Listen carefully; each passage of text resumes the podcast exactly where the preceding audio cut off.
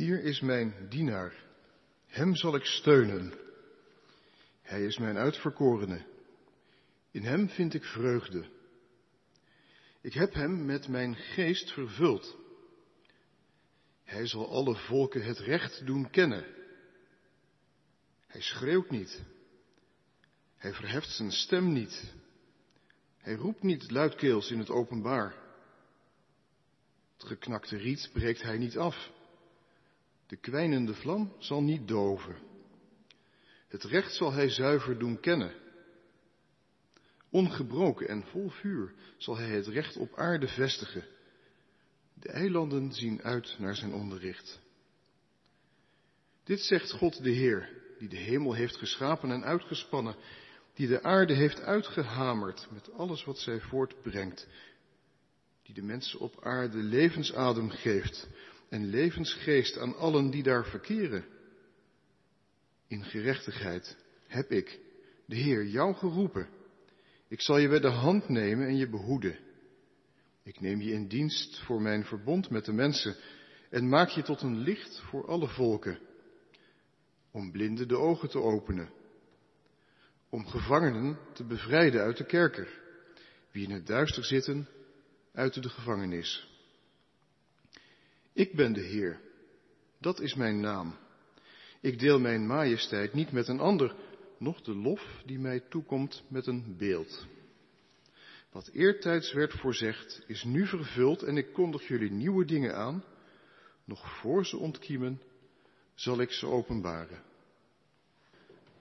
Gemeente van Jezus Christus, Advent, daar zijn we inmiddels uh, middenin beland. Uh, ik hou daar wel van, moet ik zeggen, Advent. Advent, dat, dat doet iets met je. Dat, dat zet je ertoe aan om gewoon nog eens even eh, stil te staan en na te denken over wat je nou eigenlijk verwacht. Daar kom je lang niet altijd aan toe in het haastige leven, maar Advent is de tijd om daarover na te denken. Wat verwacht je eigenlijk? Wie verwacht je? Wat verwacht je voor jezelf? Of voor de mensen van wie je houdt? Wat verwacht je voor je kleintje, voor Filip? Wat verwacht je voor de stad of voor de wereld? Wat verwacht je van je opleiding? Wat verwacht je voor je werk of je bedrijf? Verwacht je dat het beter gaat? Redding van vervelende dingen of van zorgwekkende situaties? Of verwacht je een oplossing voor de crisis? Of een oplossing voor mensen die geen leven hebben in Jemen of zo? Of recht voor mensen in vluchtelingkampen, recht voor mensen in onze eigen stad die achtergesteld zijn. Waar wacht jij op?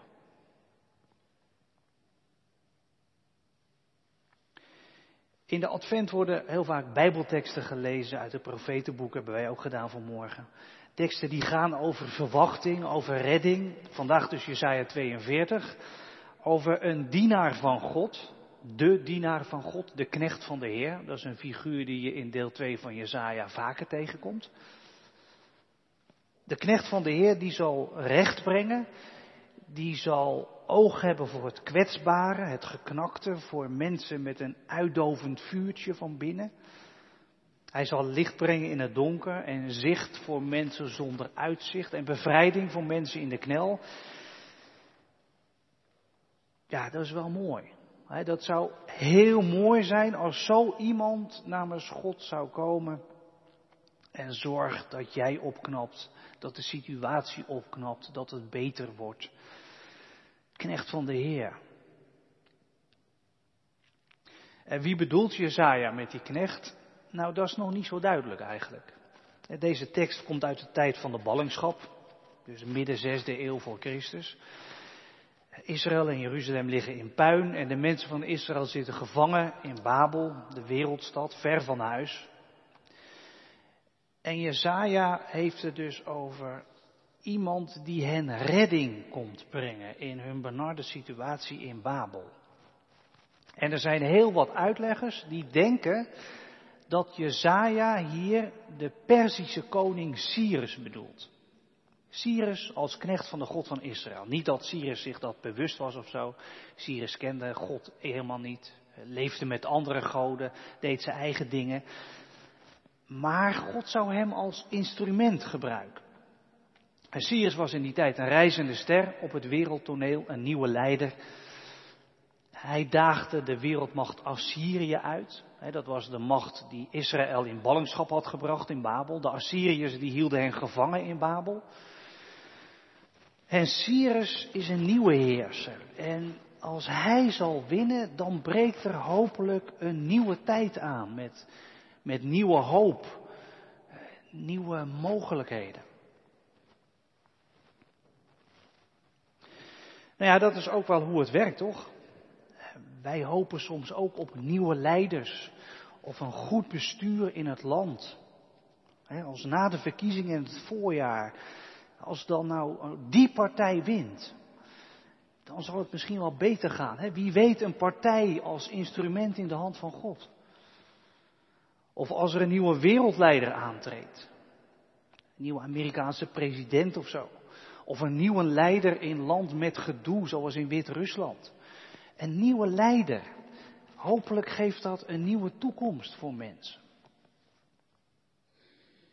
Of misschien dat jij helemaal niet zo zit te hopen op, op politieke leiders, maar eerder op leidende wetenschappers.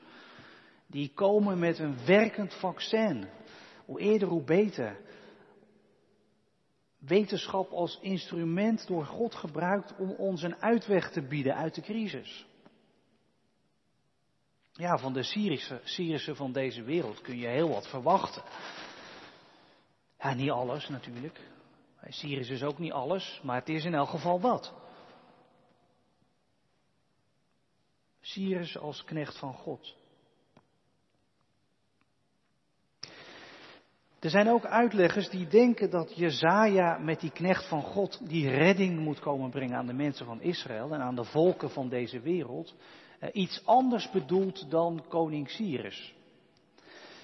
Zij zeggen dat Jezaja met die knecht van de Heer het volk Israël zelf bedoelt.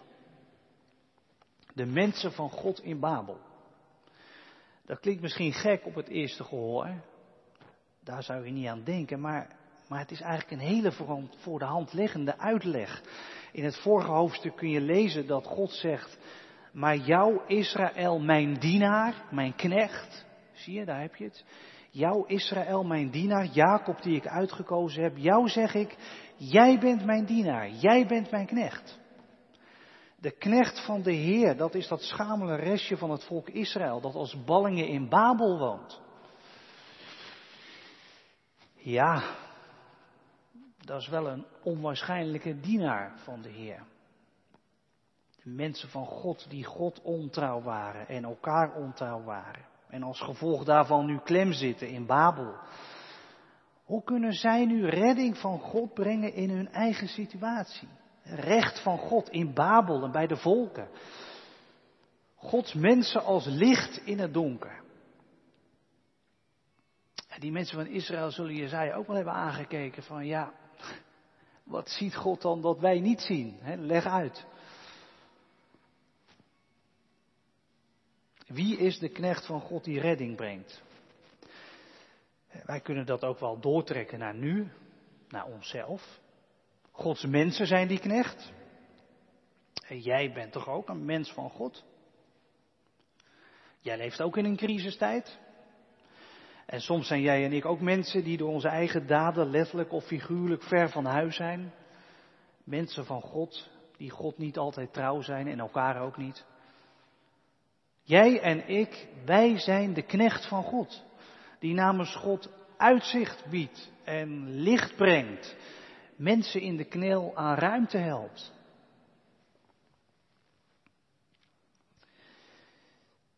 Nou, dat weet ik nog even niet. Uh, jij en ik als knecht van God.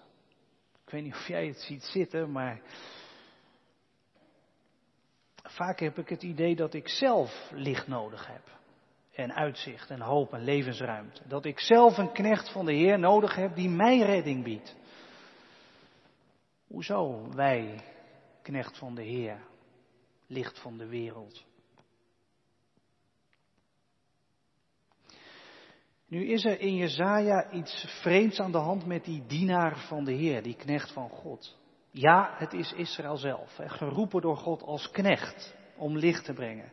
En ja, je kunt er echt ook die koning Cyrus in zien. Jezaja noemt hem, eh, Jezaja zegt dat God Cyrus herder noemt, mijn herder, zegt God over die heidense Cyrus. Die Cyrus wordt zelfs gezalfde van de Heer genoemd, Messias. Dat moet je nagaan. En historisch gezien heeft hij inderdaad de mensen van Israël naar huis laten gaan, terug naar Jeruzalem. Maar gaandeweg de hoofdstukken van deel 2 van Jezaja wordt die dienaar van de Heer steeds mysterieuzer. Vanaf hoofdstuk 49 lijkt het eerder een persoon te zijn, geen collectief, de mensen van Israël, maar een persoon namens de mensen van Israël, als plaatsvervanger. En als je verder leest, dan, dan wordt ook verteld in Jezaja dat die dienaar van de Heer, die Israël vervangt, als knecht, plaatsvervangend knecht is, moet ik zeggen, dat die knecht lijden ondergaat, plaatsvervangend lijden, dat de relatie tussen God en mensen herstelt. Hele mysterieuze dingen. Als je dat zit te lezen, Jezaja 53, denk je, waar gaat dat over? Een dienaar van de Heer. Joodse uitleggers, die zijn daar de Messias in gaan zien. En dat is ook wat in het Nieuwe Testament gebeurt. En wij volgelingen van Jezus, als wij lezen over de knecht van de Heer, zeker als je verder leest in Jezaja en je komt bij dat lijden van die knecht, wij kunnen het niet anders horen dan dat het gaat over Jezus, onze Heer, de leidende knecht van God. En Jezus heeft die woorden uit Jezaja 42 ook op zichzelf toegepast. Jezus zegt, ik ben de dienaar van God, de knecht van de Heer. Ja, Jezus is de knecht van de Heer. En vandaag komt Hij naar jou toe. Zeker naar jou die zich geknakt voelt en, en uitgeblust. Jezus breekt geknakte rietjes niet af. En hij dooft, dooft walmende lichtjes niet uit. Jezus heeft oog voor de kleine, juist voor de kleine. Alle reden dus om vandaag met zo'n kleintje naar Jezus te gaan en hem te laten dopen. Want Jezus is zo anders dan, dan al die leiders.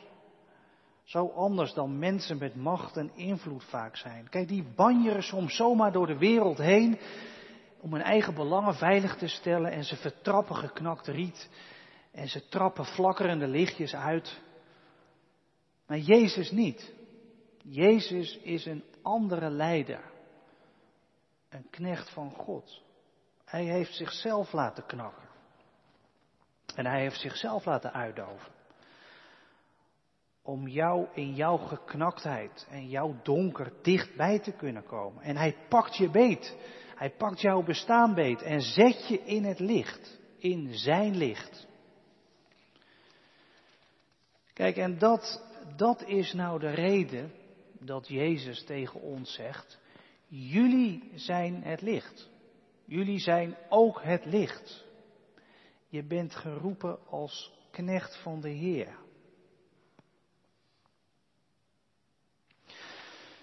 Maar daar is nog wel wat uitleg bij nodig, denk ik. Als je naar jezelf kijkt, dan vind je jezelf misschien ook een hele onwaarschijnlijke knecht van de Heer. Een licht brengen. Hoe is het mogelijk? Hoe ziet God dat voor zich? Met jou en met u en met mij. Nou, dat kun je vandaag nou heel mooi zien eh, aan de doop van Filip. Kun je heel mooi zien hoe God dat nou voor zich ziet. Met jou als knecht, als brenger van licht. Kijk straks maar goed, als Filip gedoopt wordt. Als klein mens sta je aan het water. Het water van crisis en ondergang, het water van schuld en falen het donkere water van de dood. Als klein mens sta je er middenin. En als klein mens ga je er voor goed in onder. En je bestaan breekt af als een rietje en dooft uit als een flakkerend kaarsje. Maar het is advent en God komt en Hij is een redder. Hij komt in Jezus en Jezus stapt jouw water in en mijn water en het water van Filip. En Jezus gaat kopje onder in de crisis. En Jezus pakt jou beet. En pakt filet beet. En neemt ons mee door het water heen naar zijn overkant. De overkant van het licht. De overkant van het leven. Daar is de doop teken van. Dat je wordt beetgepakt en aan de overkant wordt neergezet. In het licht. En nu hoor jij dus bij de overkant. Je bent een kind van het licht. En dat licht van God is dus paaslicht. En vanaf het moment dat God zo jouw leven en uw leven is binnengekomen, maakt hij dat telkens waar. Zo werkt dat.